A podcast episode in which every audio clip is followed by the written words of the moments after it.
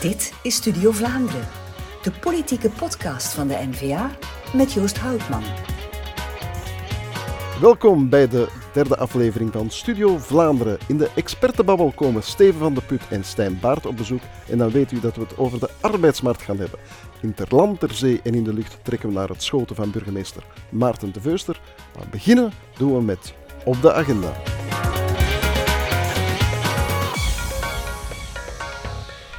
In deze rubriek op de agenda blikken we zowel terug op als vooruit naar de politieke agenda. En dat doen we vandaag met Vlaams parlementslid Maaike de Vreese.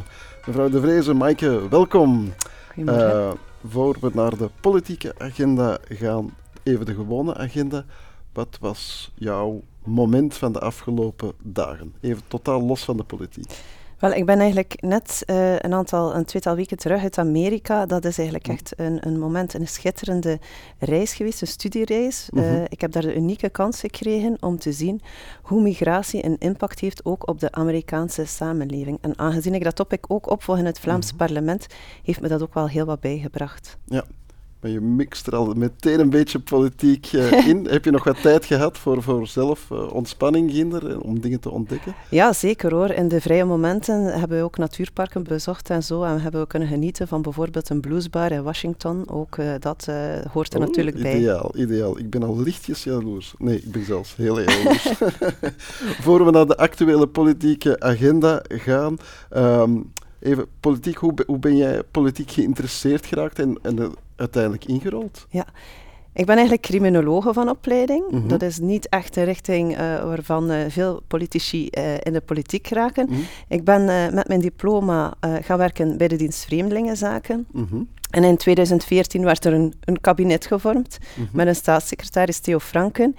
En uh, ik dacht met mijn ervaring van op de dienst Vreemdelingenzaken wil ik mijn steen bijdragen op beleidsniveau. En ik heb gesolliciteerd en zo daar terechtgekomen. En zo ben ik dan gevraagd in 2019 om op de lijst te staan en ben ik in de politiek terechtgekomen, ja, actief dus op de voorgrond. Dus sinds 2019 ben je Vlaams ja. uh, parlementslid. Um, het Vlaams parlement is nu recent weer aan een nieuw politiek jaar begonnen, hè, met de septemberverklaring. Nu het, het, het, het persstof een beetje is gaan liggen, kunnen we denk ik met een gezondere blik naar die septemberverklaring uh, uh, kijken.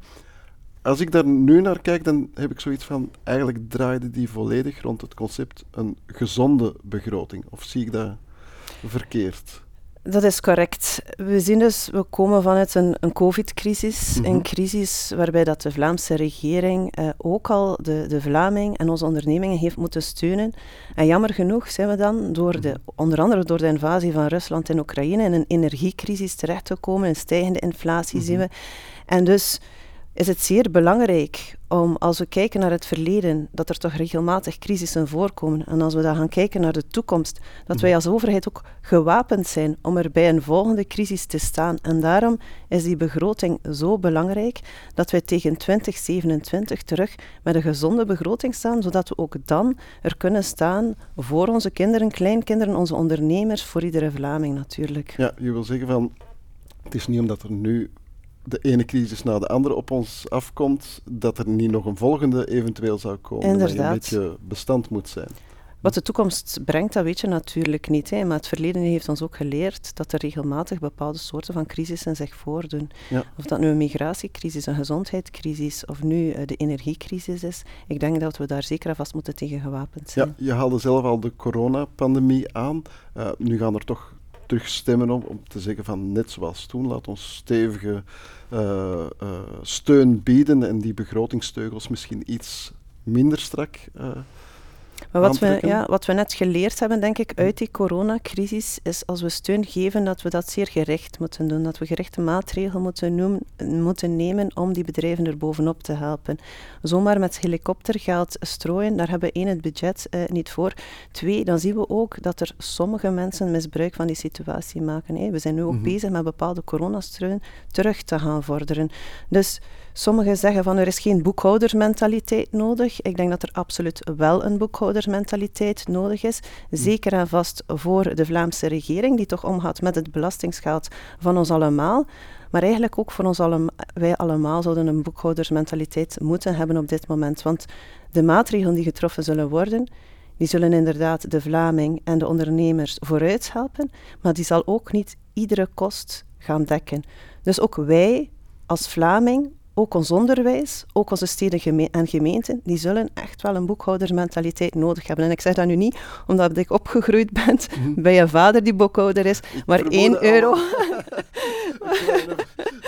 verborgen agenda. Ja. Maar een euro kan je maar één keer uitgeven en dat is er mij wel met de paplepelen gegeven. Ja, ja. Uh, want je zegt eigenlijk daarmee ook, de begroting, die, die, dat klinkt dikwijls nogal ver weg bij iedereen.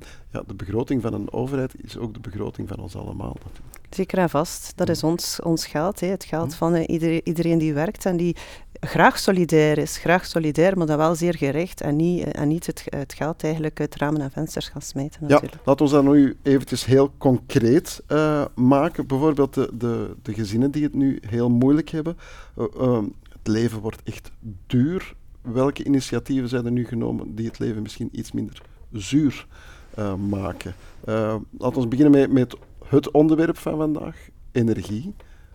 Ja, we zien dus dat die uh, energiefactuur enorm stijgt. Dus ook daar gaan we eigenlijk vanuit Vlaanderen gaan zien om daar uh, wat mogelijk is uit die energiefactuur te gaan halen. Maar nog veel belangrijker is, is denk ik dat we de koopkracht van de Vlaming gaan, gaan verhogen door uh, die jobbonus te gaan uitbreiden. Die jobbonus die er is voor toch de, de lagere lonen, de mensen die werken, maar die die energiefactuur toch wel heel hard zien toekomen. Kan je die jobbonus misschien nog, nog iets dus concreter maken? Wat gebeurt er dan net? Die, die jobbonus dat gaat eigenlijk naar mensen, die wordt eigenlijk uitgebreid. Die gaat uh, naar mensen die een bruto loon krijgen tot 2900 euro. Die krijgen dan uh, eh, 100 mhm. euro extra jobbonus. En uh, dus dat gaat eigenlijk naar mensen met een, met een laag tot uh, gemiddeld inkomen. Ik denk dat dat 37% van de werknemers is die daardoor extra ondersteund wordt. Ja, en um, dus ze hebben dan iets meer budget uh, om, om, om mee om te springen. Uh, maar als we eventjes nog bij, bij die, uh, dat onderwerp van energie blijven, ja, woon maar eens in een energieverslindende huurwoning, ja. dan, dan krijg je twee keer, uh, deel je twee keer in de klappen eigenlijk. Dat is inderdaad waar. We hebben en, en de indexering die mm -hmm. eraan komt voor die mensen en uh, dan de hoge energiekosten. Dus ook daar gaan we iets uh, voor doen. Uh, dus de mensen die in een huurwoning wonen, die energieverslindend is, die dus een EPC heeft die zeer slecht is, daar gaan we gaan zeggen, we schorten eigenlijk die indexering gaan op. Dus de verhuurder zal die indexering niet kunnen doorvoeren. Die zal dus eigenlijk echt wel gestimuleerd worden om die woning uh, energiezuiniger te maken. Dus ik denk dat dat ook iets is die heel uh, goed is aan de maatregel die genomen wordt, is dat je ook een stimulans hebt om eigenlijk de, uh, de woningen die voorhanden zijn op de huurmarkt ook energiezuinig ja, te maken. Een soort domino-effect ja. eigenlijk. Hè. Um, ja, gezinnen, als we het over gezinnen hebben, dan hebben we het over wonen. Hè, de, het hele energieverhaal, werken, je haalt al de jobbonus aan. Maar gezien dat is ook kinderen opvoeden. Hè. Ook, ook in die context zijn er heel wat initiatieven aangekondigd. Ja, voornamelijk natuurlijk het groeipakket. We gaan mhm. het groeipakket gaan uitbreiden, de indexering van 1 naar 2 procent gaan brengen. We gaan ook uh, een verhoging doen in de sociale toeslagen. Dat zal er ook voor zorgen dat de meest kwetsbare gezinnen ondersteund worden. Ook daar zie je dus dat we de keuze maken om zeer gericht te gaan werken.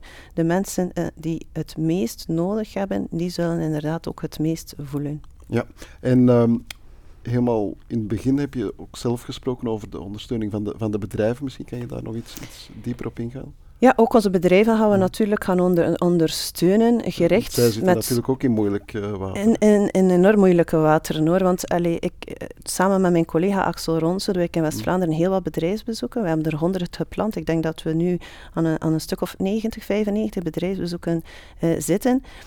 En de coronacrisis, dat was eigenlijk al een crisis die de buffer van bedrijven heeft opgebruikt. Mm -hmm. En uh, dus nu komt die nieuwe crisis er bovenop. En we gaan die bedrijven gaan steunen met 250 miljoen aan energiemaatregelen, maar dan ook nog eens met een miljard aan overbruggingsleningen. En daar zie je ook dat de keuze van de Vlaamse regering toch is om die bedrijven heel hard te steunen, maar niet om zomaar helikoptergeld te geven. Uh, dus die leningen, die moeten natuurlijk ook terugbetaald worden op een bepaald dus moment. je verwacht daar dat die terugkeren. Ja. Uh, ook dat als een goede huisvader natuurlijk. Ja, we verwachten van de bedrijven dat ze dat op termijn terugbetalen. Maar we, stimuleren, we, we steunen ze natuurlijk op het moment dat het nu het meest moeilijk is. Ja. Um, over naar de agenda die voor ons uh, ligt. Zijn er zaken waar je naar, naar uitkijkt? Paar politieke momenten die, die op de agenda staan waar je zegt van dat is toch wel heel belangrijk om in het oog te houden. Wel, het is nu natuurlijk heel belangrijk om in het oog te houden wat er federaal uit de bus komt uh, tijdens de begrotingsbesprekingen.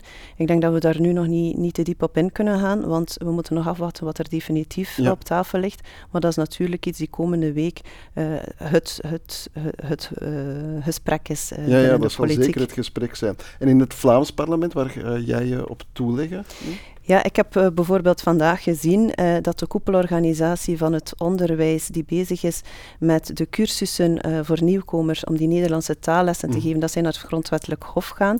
Dus dat is zeker een topic, aangezien ik integratie opvolg, dat ik ga opvolgen, want ik vind het heel belangrijk dat er uh, wel een stok achter de deur is, dat mensen wel gemotiveerd worden om onze taal te leren en niet in het minst om hen zelf zelfstandig en onafhankelijk te maken, zodat zij mhm. ook snel een job kunnen hebben, want daarvoor is het Nederlands ook natuurlijk zeer belangrijk. Ja, heel veel op jouw agenda en op de politieke agenda en op onze agenda nu in deze uitzending een tripje naar de provincie Antwerpen, naar het mooie schoten van burgemeester Maarten de Veuster. En met hem onderzoeken we een wel heel opmerkelijk fenomeen in zijn gemeente. Inderdaad, deze nazaat van Pater Damiaan is onze gast in Ter Land, Ter Zee en in de Lucht.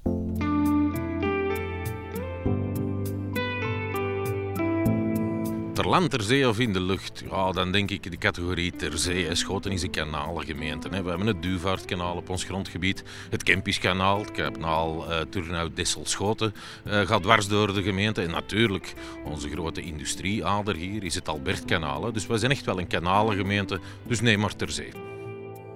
En u komt ook regelmatig in het nieuws met het water, want wat was er hier onlangs gebeurd? Een soort mysterie, als ik het goed begrepen heb? Nou, het meest mysterieuze dat hier onlangs gebeurd is, is de parkgracht die u uh, hier in de omgeving vindt. Die zag plotseling bloedrood. Men dacht aan een zekere bacterie, Bourgondisch bloed. Dat is dan onderzocht door universiteiten. Daar hebben we zelfs internationale pers mee gehaald. Bleek een ander soort bacterie. Vraag mij alsjeblieft niet de Latijnse benaming daarvan, want dan krijgt u een programma Zeg eens E. Maar het was wel indrukwekkend. Water brengt, brengt ook leven. Hè. Elke dag is hier scheepvaartverkeer. Dat brengt van alles met zich mee, van branden tot schepen tot ongevallen. Dat gebeurt nu eenmaal. Waar worden wij door getroffen? Alleen getroffen, dat is een opportuniteit natuurlijk, maar die altijd voor hinder zorgt. Het is nu de verbreding van het Albertkanaal, het verhogen van alle bruggen. Uh, dat is noodzakelijk om die modal shift ook in deze regio te bewerkstelligen. Maar ik ga niet uh, doen of dat, dat geen verkeershinder met zich meebrengt. Hè.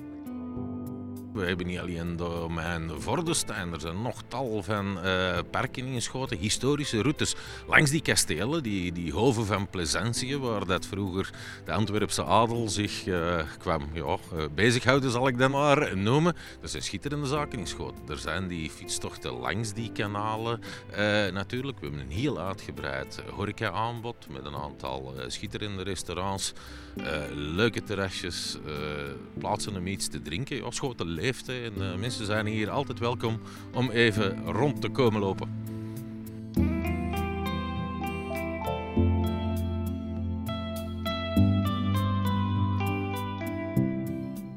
Er jaarlijks aan bod komt, uh, is natuurlijk de Scheldeprijs, de oudste Vlaamse wielerklassieker. Die aankomt hier op uh, de Churchelaan. Ook bekend is Schoten al vele jaren van het Wereldfestival van Folklore, dat hier in het eigenste park rond dit kasteel uh, doorgaat.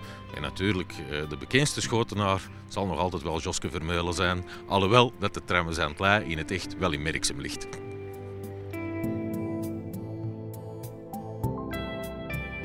Ons is, het groene karakter en het beschermen van dat groene karakter al vele jaren een aandachtspunt. Hè. Wij hebben onze parken, wij hebben schitterende domeinen. Om u een voorbeeld te geven, Park Vordestein, overlaatst verkozen in de top 10 van mooiste parken ter wereld, ligt op Schotens grondgebied.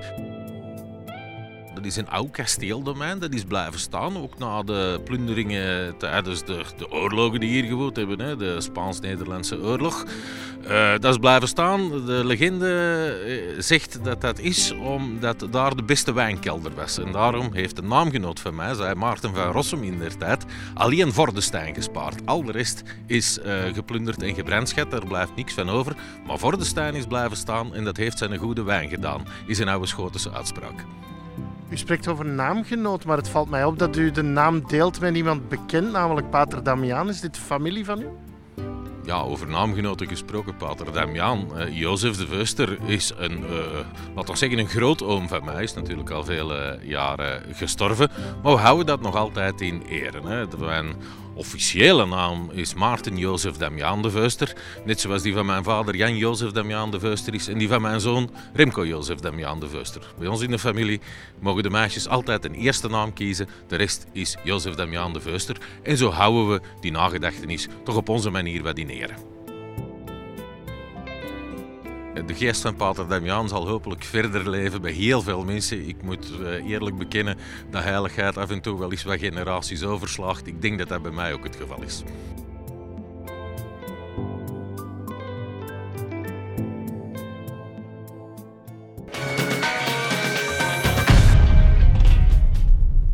Tijd voor een nieuwe rubriek, tijd voor wat verdieping, tijd voor de expertenbabbel. En in deze expertenbabbel duiken we onder in de wonderenwereld van de arbeidsmarkt. En dat doe ik met deze beide heren. Aan mijn linkerzijde Steven van de Put, deze geboren en getogen Hasselaar, werd in 2019 burgemeester van zijn thuisstad Hasselt.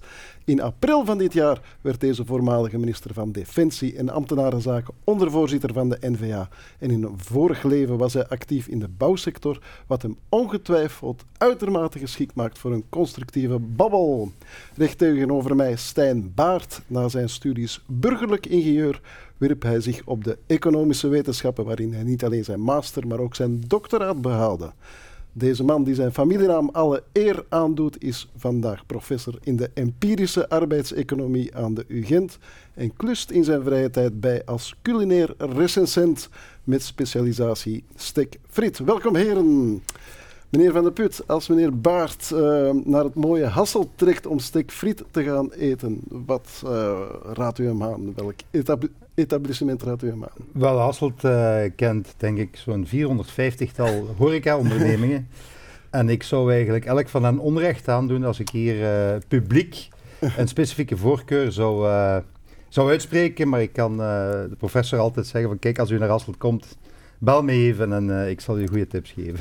Ja, we gaan dat in een duik uh, doen. Ik ben blij dat we meteen starten met de serieuze. Ja, ja, uh, de belangrijkste ding is eerst. Uh, we delen niet alleen een voorliefde voor uh, steekfriet, maar ook een aversie, heb ik gemerkt. Um, u hebt geen al te grote liefde voor al te lange vergaderingen. je las zelfs vergadervrije dagen, weken in. Ja, onderzoek gedaan naar het effect van vergaderen op, op, op eh, de productiviteit van, de, van de mensheid? Voorlopig is het vooral iets dat voor mij werkt. Dus ik mm. start inderdaad met het, bij het opmaken van mijn planning met mm. drie weken te blokkeren wanneer ik niet zal vergaderen. Ik weet, heel veel mensen vinden samen zitten, een koffie gaan drinken, eens kennis maken, eens pingpongen. Die worden wild van die woordgroepen. Ik trek daar eigenlijk een beetje wit uh, bij, mm. bij weg. Dus ik probeer dat uh, te, te, te vermijden om al te veel te vergaderen omdat ik ook het gevoel heb dat dat er niet voor zorgt dat ik op het einde van het jaar de dingen heb gedaan die ik echt waardevol vind. Dus vandaar, uh, voor mij werkt het.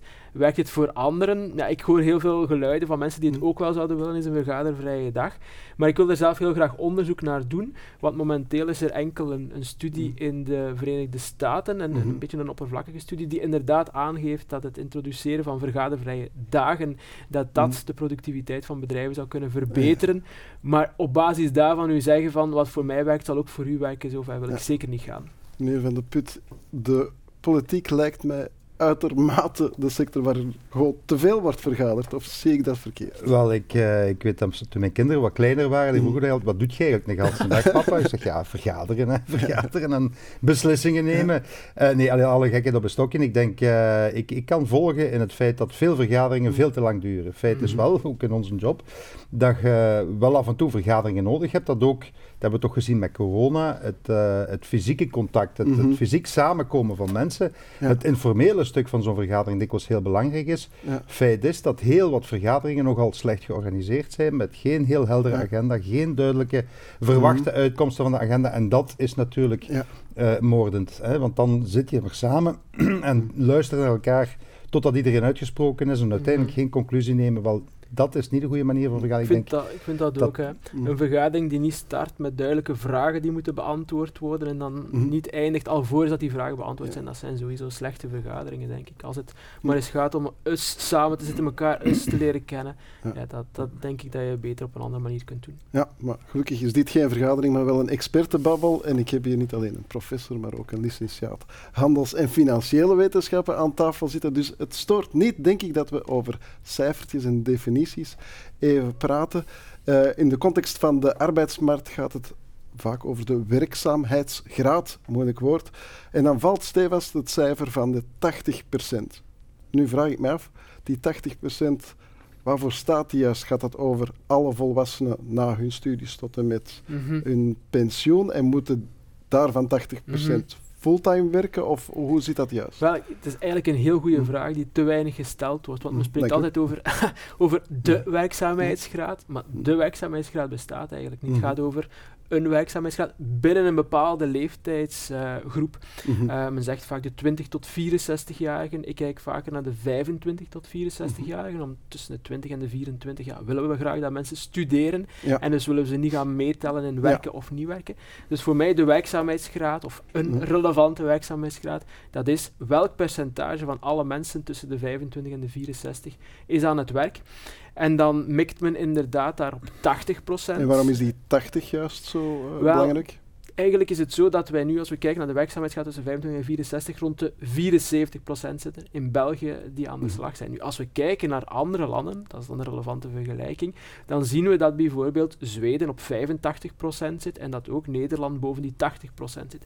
Dus het is haalbaar, er zit hier niks in het grondwater, mhm. waardoor dit absoluut onmogelijk zou zijn. Langs de andere kant zien we dat bijvoorbeeld net voor de verkiezingen van 2019 mhm. hadden wij een tekort in België van ongeveer 12 miljard. Nederland had een overschot van 12 miljard. Ja, hadden wij de werkzaamheidsgraad van Nederland gehad, men heeft daar berekeningen aan gedaan, dan zaten wij ook met datzelfde uh, overschot als in Nederland, die, die 12 miljard. Dus dat is enorm uh, relevant, uh, meer sterke schouders in de sociale zekerheid, om meer inkomsten te hebben en minder uitgaven te moeten doen op een manier die ja, niet zo pijnlijk is als andere dingen. Ja. Meneer Van de Put, die 80 procent, ja, in Vlaanderen klopt dat, à peu près.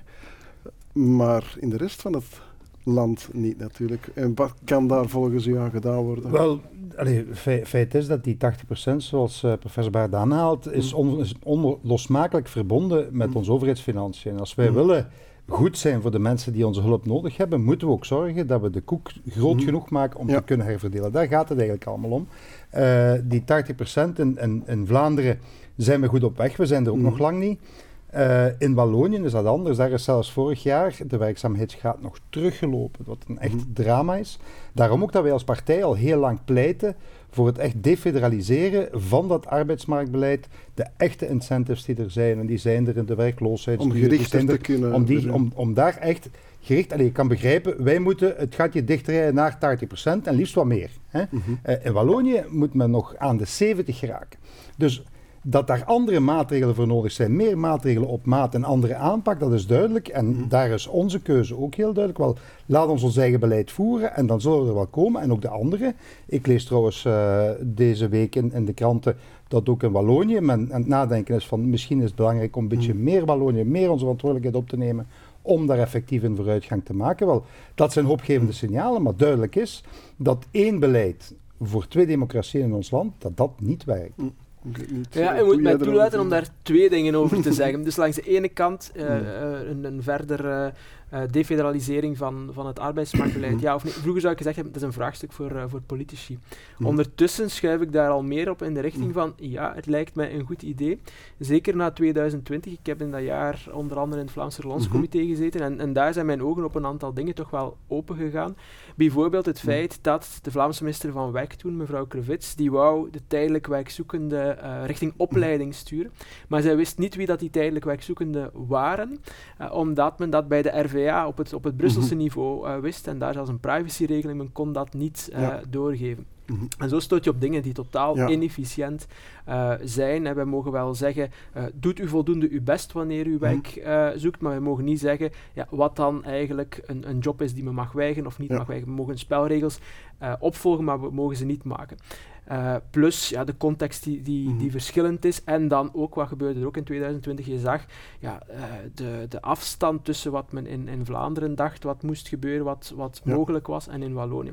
Dus een aantal redenen omdat ik zou zeggen, ja... te, te ver uiteen, die lag te ver uiteen. En de grootste gemene deler bij de vorming mhm. van de federale regering, te zijn, ja, we gaan niks uh, doen. Dus op zich, uh, ja, ik kan, kan zeker meegaan in die gedachte. Langs de andere kant, voor mij is er wel een noodzakelijke voorwaarde. Dat is uh, geen uh, verdere staatshervorming op de arbeidsmarkt of geen verdere defederalisering, zonder ook een responsabilisering. Mm Want ik denk dat het weinig zinvol heeft, is om de, de tools, de, het beleid richting de gewesten te brengen als wanneer dat zij daar ja, niks serieus mee doen, dat het dan het andere gewest zou zijn dat, uh, dat de put moet, moet, moet vullen. Dus ik denk, uh, ja, als je bevoegdheden naar de gewesten brengt, zorg er dan ook voor dat zij beloond worden wanneer dat zij daar iets goed uh, mee doen. En dus zomaar een, een, een uitruil mm tussen bevoegdheden en dan misschien de financieringswet, waar wat responsabilisering in zit, terugdraaien. Dat zou ik een zeer slecht idee vinden.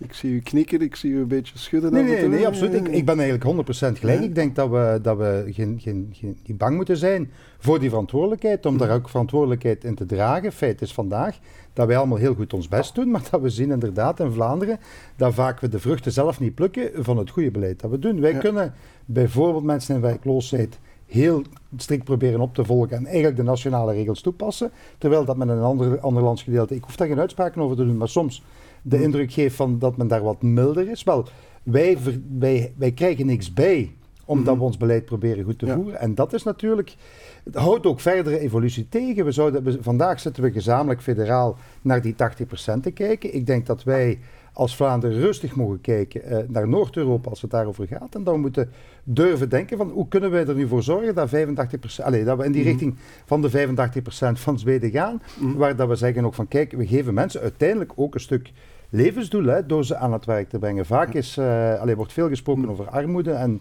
en, en, en de hoogste noden uh, leningen en dergelijke. Maar de beste manier om mensen mee te pakken is nog altijd van ze aan een job die op hun maat is ja, te kunnen aanbieden. Zin geeft natuurlijk. Um, als we het uh, hebben over de niet-werkenden aan het werk krijgen, ja, ik gebruik hier de term niet-werkende, maar daar vallen natuurlijk langdurig zieken, mm. langdurig werklozen, inactieve. Je, je hebt allemaal verschillende termen die dan in, in omloop zijn. Wat mogen we eigenlijk van wie verwachten? Ja, van mij mag u vrij veel en mhm. anderen ook, maar ik denk dat het plaatje vrij eenvoudig is. Mhm. Je kunt uh, die bevolking tussen bepaalde leeftijdsgroepen, waar ik dat juist naar verwees, bijvoorbeeld 25 tot 64, je kunt die altijd mooi opdelen in drie uh, groepen. Je hebt wie werkt, dat is 74% van de 25 tot 64-jarigen. Dan heb je een tweede categorie, dat is wie niet werkt, maar wel werk zoekt. Mhm. En dan heb je tenslotte een, een groep aan inactieven die niet werken en ook geen werk zoeken. Nu, vaak denken mensen wie niet werkt, ja, dat, zijn, dat zijn werkzoekenden of, of werklozen. Nu, zij maken maar 4% uit van onze 25 tot 64 jaar. Dus dat is eigenlijk een heel klein groep. En wat dat betreft, op Belgisch niveau, doen we het niet slechter dan, uh, dan de andere landen. Het grote verschil, of de reden waarom mhm. onze werkzaamheidsgraad niet zo goed is, is de inactiviteit, uh, is het percentage inactieven op de 25 tot 64-jarigen. En daar zie je dat je spreekt over 22 procent, of in absolute cijfers 1,3 mhm. miljoen mensen tussen de 25 en de 64 die niet werken en geen werk zoeken. En ik denk... Ja, en die als in principe wel in... Wel, het is te zeggen, we gaan die 22 procent of die 1,3 miljoen mensen, we kunnen dat niet naar nul reduceren. Ook in Zweden uh, heb je een, uh, een, inactiviteit van een, van een 14 procent, maar dat is natuurlijk een heel stuk lager. En daar opnieuw, uh, er is geen enkele reden waarom voor, bij ons, voor eeuwig en drie dagen, dat wij zoveel inactieven zouden moeten hebben en daardoor veel te weinig sterke schouders onder de sociale zekerheid. Niet naar nul, want er zitten bijvoorbeeld mensen in die langdurig ziek zijn door kanker. Ja, het is nogal hm. duidelijk dat we hen de best mogelijke zorgen willen geven, maar, en daar volg ik u natuurlijk, hm. als we dat uh, willen doen, dan moeten we wel voldoende sterke schouders onder die sociale zekerheid hebben om net voor die mensen goed te kunnen zorgen en moeten we een deel van wie inactief is richting de arbeidsmarkt verleiden. Ja. We hadden het er juist over, oh, of jij zei eeuwig in drie dagen. Uh, ja, een werkloosheidsuitkering is wel voor eeuwig in drie dagen. Zou daar niet echt een, een stok achter de deur kunnen zitten als we die beperken in de tijd om mensen een beetje meer wel, te dwingen? Gently push? Wel, wij, wij pleiten als, mm. als, als partij al heel lang uh, om dat systeem te herbekijken. Om te kijken inderdaad, hoe kunnen we nu de duurtijd dat iemand in die werkloosheidsvergoeding zit, hoe kunnen we die nu linken aan het reeds afgelegde traject in het beroepsleven? Hoe kunnen we zorgen dat we vanaf dag één dat zo iemand in uh, werkloosheid komt, dat we die helpen om terug aan een, aan een job te geraken die die dan in dat geval aan kan, of desgevallend inzetten op herscholing of wat dan ook. Maar dat we dat ook in de tijd moeten uitdoven. Allee, ik denk, de professor zal dat kunnen beamen. We hebben geen vergelijk in andere landen, want het bestaat in geen enkel ander land. Dus eigenlijk komt het erop neer dat we moeten zien van, kijk, hoe kunnen we die mensen veel beter, actiever nog begeleiden terug naar de arbeidsmarkt aan de ene kant. Aan de andere kant, mensen die er lang in zitten, want je mag niet vergeten, uh, ook werkloosheid, uh, de werkloosheidsvergoeding mm. is degressief. Hetgeen wil zeggen dat mensen eigenlijk afglijden naar een, een armoedeniveau mm -hmm. op een bepaald moment waarin dat zij nog verder verwijderd raken van die arbeidsmarkt zelf, waar we ze eigenlijk vandaag echt nodig hebben. Dus in dat kader pleiten wij absoluut voor het herzien van het systeem van uh, de oneindige werkloosheid in de tijd, naar een systeem waarin dat we zeggen van kijk, iemand die in de werkloosheid valt, die kiest daar niet voor. Die moeten we goed ondersteunen. Misschien zelfs beter dan vandaag in het begin. Hè, want men zit om de bepaalde levensstandaard en zo verder. Maar we moeten zorgen dat er perspectief is op eindigheid in de tijd. Waarna die natuurlijk daarom niet moet helemaal uh, aan de kant gezet worden. Maar vervalt in andere systemen. We hebben, er straks hadden we het over cijfertjes. Ik kwam hier nog een cijfer tegen, 44, namelijk 44% inactiviteit bij niet-EU-migranten. Dat is een echt wel een hoog uh, cijfer. Ja, hoe zouden we dat cijfer kunnen, kunnen aanpakken? Want dat is toch wel opvallend. Wel, het is een cijfer dat we zelf een beetje eh, op tafel hebben gelegd in een hm. recente beleidsstudie van, van UGent at Work. En daar waar dat je normaal in grafiekjes ziet, hm. dat balkjes elkaar opvolgen in hm. histogrammen, die, die springen als je de landen naar elkaar zet, altijd een beetje hoger als je ze in volgorde zet, was voor dat cijfer, hè, 44% van migranten van buiten de EU in ons land tussen 25 en 64 is inactief moesten we eigenlijk ons assenstelsel, de grootte van onze grafiek, aanpassen om er België nog op te krijgen. Dus helemaal achteraan de klas. Nergens bij benadering zoveel inactieven in, in deze groep. Dus dat vraagt inderdaad om, om beleid wat dat betreft. En ik denk dat uh, de drie groepen die betrokken zijn, uh, werknemers, werkgevers en de overheid, dat die daar elk van de drie voor eigen deur uh, moeten vegen. Hè? Want er wordt vaak naar elkaar gewezen. Uh, wat werkgevers betreft, wij stellen vast in, in, uh, in praktijktesten dat daar nog altijd een probleem is van ongelijke behandeling. Pas op, het is wel de enige vorm van discriminatie die verbetert. Dus die mhm. minder sterk. Bijvoorbeeld leeftijdsdiscriminatie, dat van dezelfde orde is, dat blijft op hetzelfde niveau. Op basis van etniciteit zien we daar wel een verbetering. Maar goed, daar is een, een, een problematiek.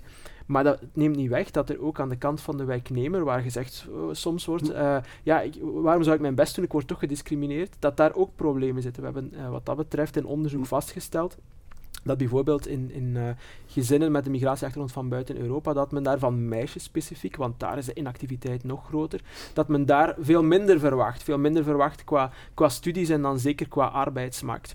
En dan is er de, de overheid, die natuurlijk uh, ten eerste ja, met het uh, sociale zekerheidssysteem dat we op het Belgische niveau kennen, toch iets wat passief is. daardoor dreigt de passieve mhm. stromen uh, aan te trekken. Terwijl typische migratielanden zoals het Verenigd Koninkrijk, ja, als je echt uh, je zin hebt om je best te doen, dan ga je beter naar, naar zo'n land met zo'n systeem, want daar levert het ook echt op.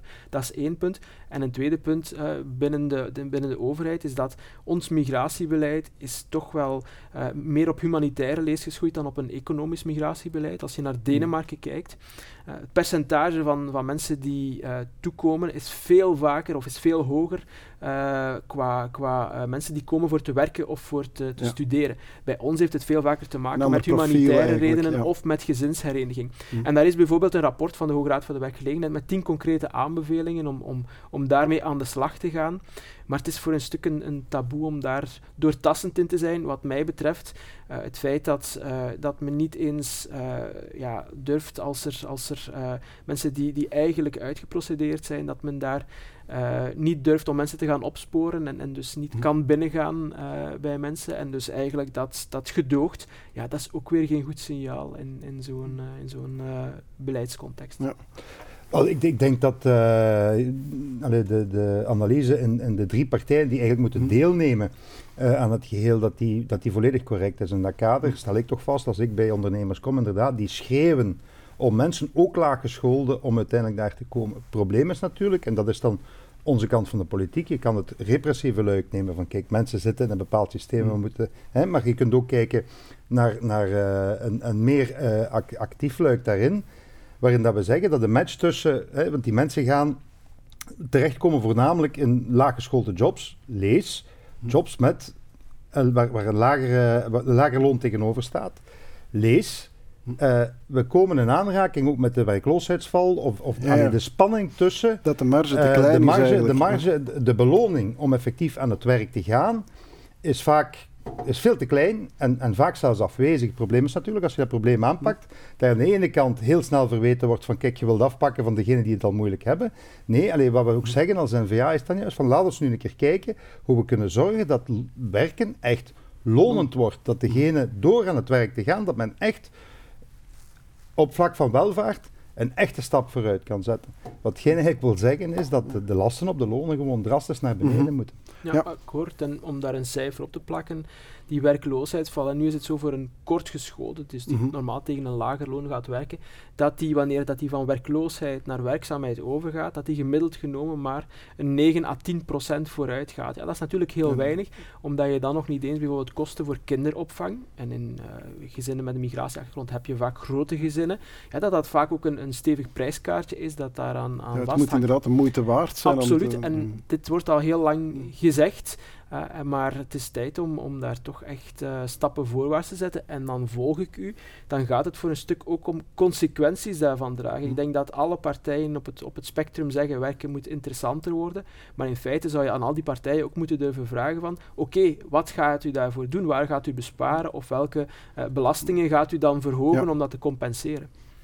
We hebben het er juist alle drie eigenlijk al min of meer gezegd. Een beetje eigenaardig. Je hebt enerzijds de werkzoekende, de inactieve, en tegelijkertijd zijn er zoveel vacatures die, die openstaan. Dat kwam in, in, in verschillende vraagjes eigenlijk al, in de antwoorden op de vraagjes eigenlijk al aan, aan, aan bod. Hoe verklaar je die, die, die mismatch?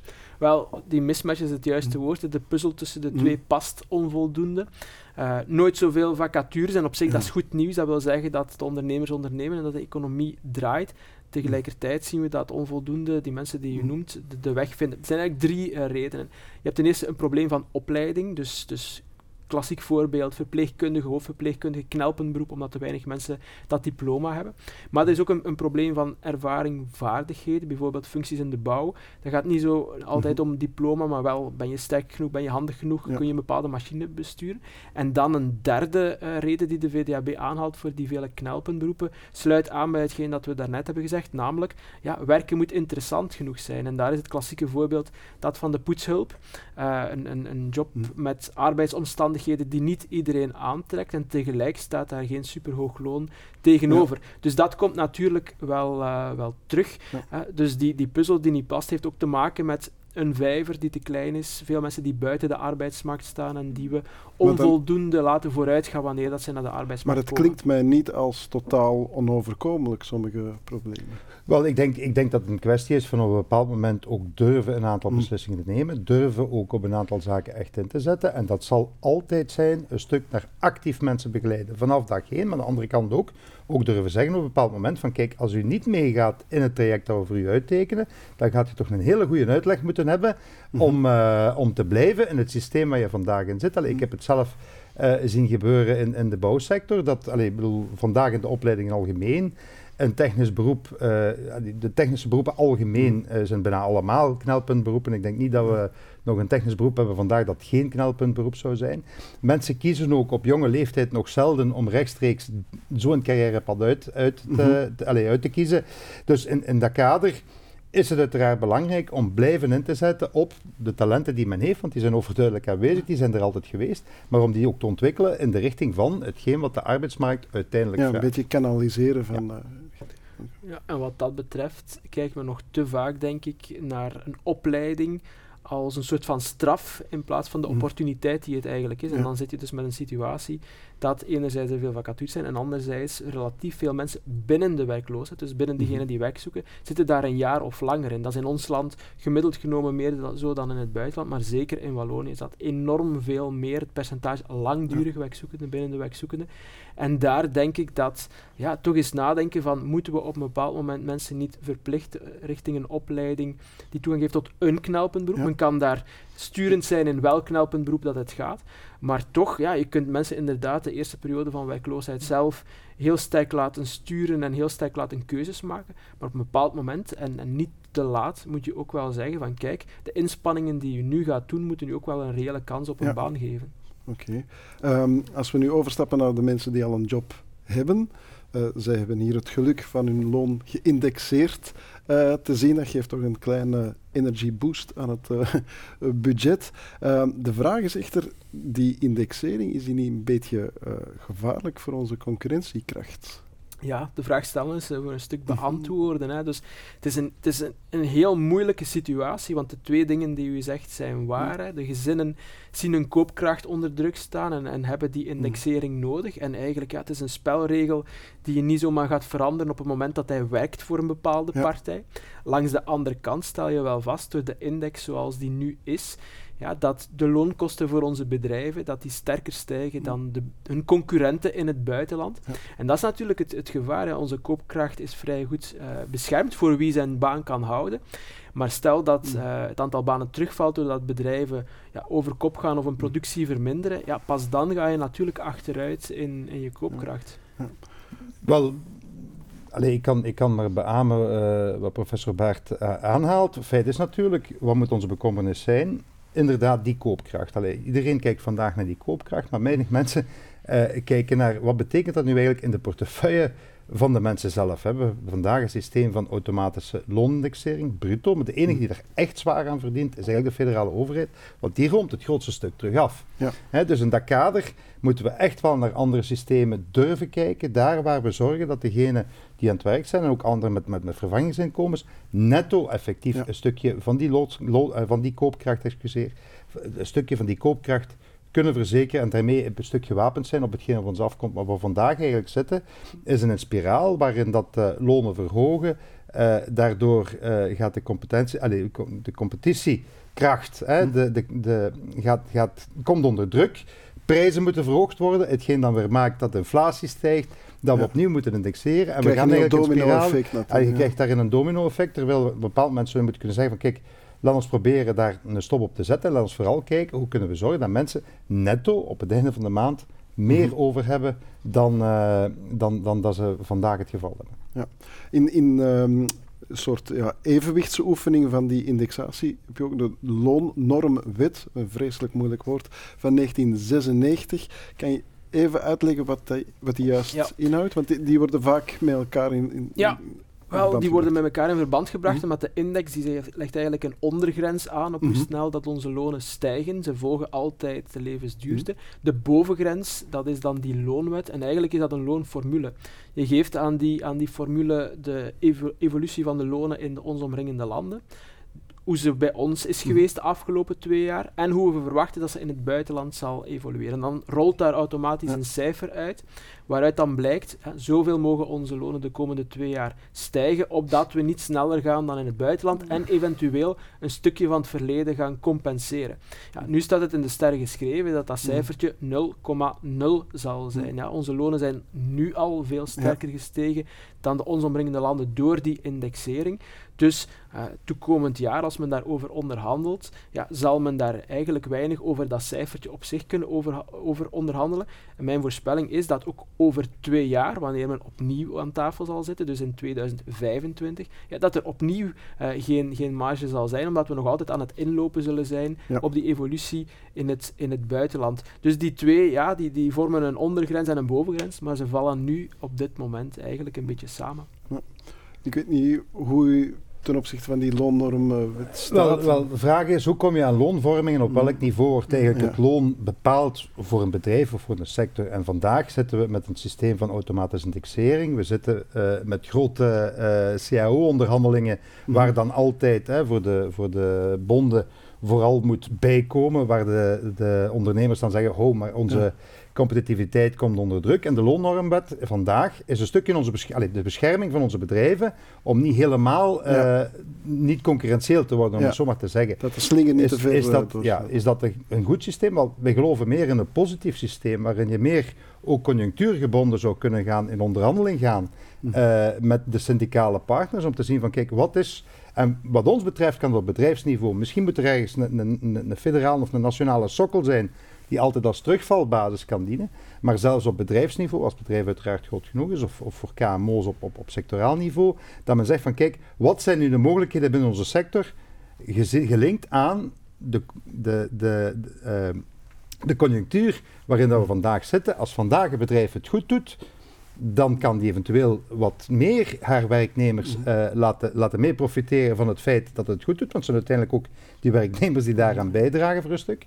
Uh, aan de andere kant, als het een beetje minder gaat, is er dan misschien ook begrip van werknemers zijn om te zeggen van oh, we moeten misschien eventjes de, broeks, de broeksriemen aantrekken. Ja. In Duitsland gebeurt dat vandaag. Hè. In Duitsland gebeuren vandaag dat soort onderhandelingen waar men zegt van kijk, we gaan ons allemaal in gevaar brengen als we nu heel veel gaan toegeven aan loonstijgingen die, die eigenlijk de duurte, of de levensduurte, de stijging van de levensduurte We're in it together. Uh, ja, voilà. Uh, in, in, in, Duitsland heet dat uh, metbestemming. Bij ons is dat een heel moeilijk woord, want onze bonden zijn dikwijls nogal bemoeid. Allee, gaan nog eens voorbij aan die taak van laat ons samenwerken, maar worden dan, willen nog eens in de plaats treden uh, van, van de bedrijfsleiding. Maar aan de andere kant zouden we toch moeten durven nadenken over systemen waarin we zeggen van kijk, we gaan als volwassen partners aan tafel en kijken eigenlijk hoe we samen die koek zo groot mogelijk kunnen maken, zodanig dat iedereen een zo groot mogelijk stuk van die koek kan krijgen. Ja. Om af te ronden, uh, meneer Baart, u zei onlangs dat de arbeidsmarkt zich op een kantelpunt uh, bevindt. Naar waar kan het kantelen? Well, of, of, of het, Ziet u het liever helemaal niet kantelen? Mogelijk in een kantelpunt. Hè? Dus, dus het is eigenlijk zo, de arbeidsmarkt die volgt de economische conjunctuur. Gaat het slecht met de economie, dan, dan krijg je een problemen op de, op de arbeidsmarkt.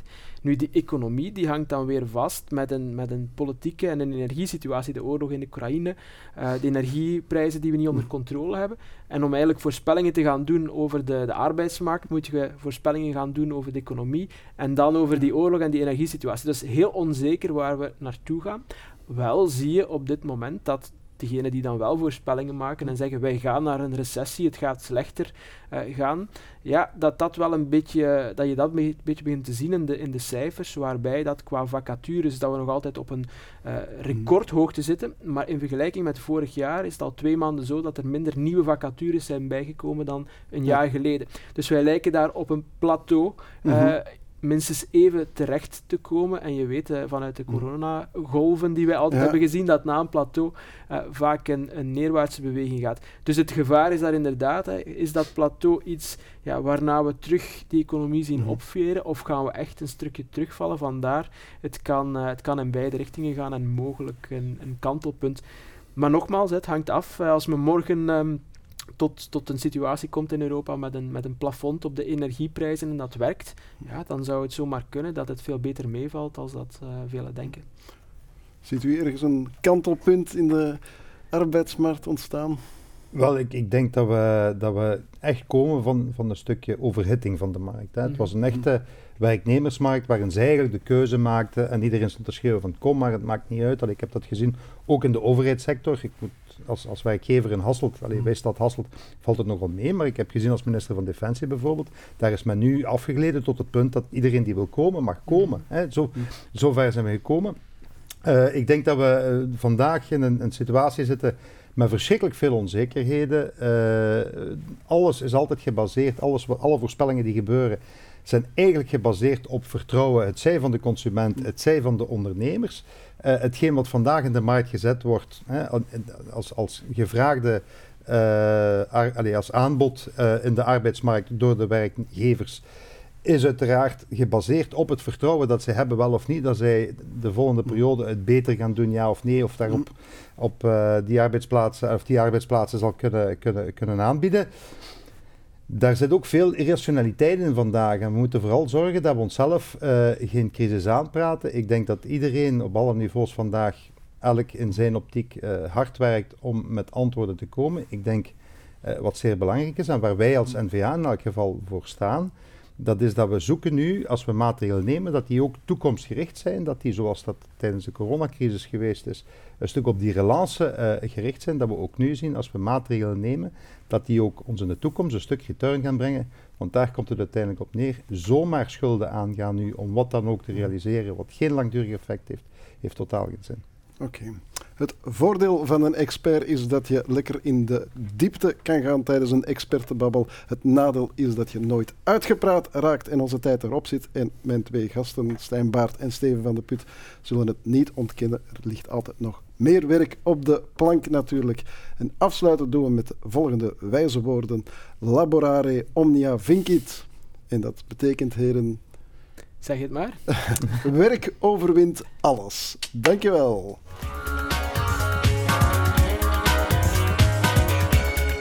Dit was de derde aflevering van Studio Vlaanderen. Te gast waren deze week Steven van de Put, Stijn Baart, Maaike de Vrezen en Maarten de Veuster. Joost mag weten wie onze volgende gasten zijn en dat mag u ook. Houd dus zeker de social media in het oog. Tot een volgende Studio Vlaanderen.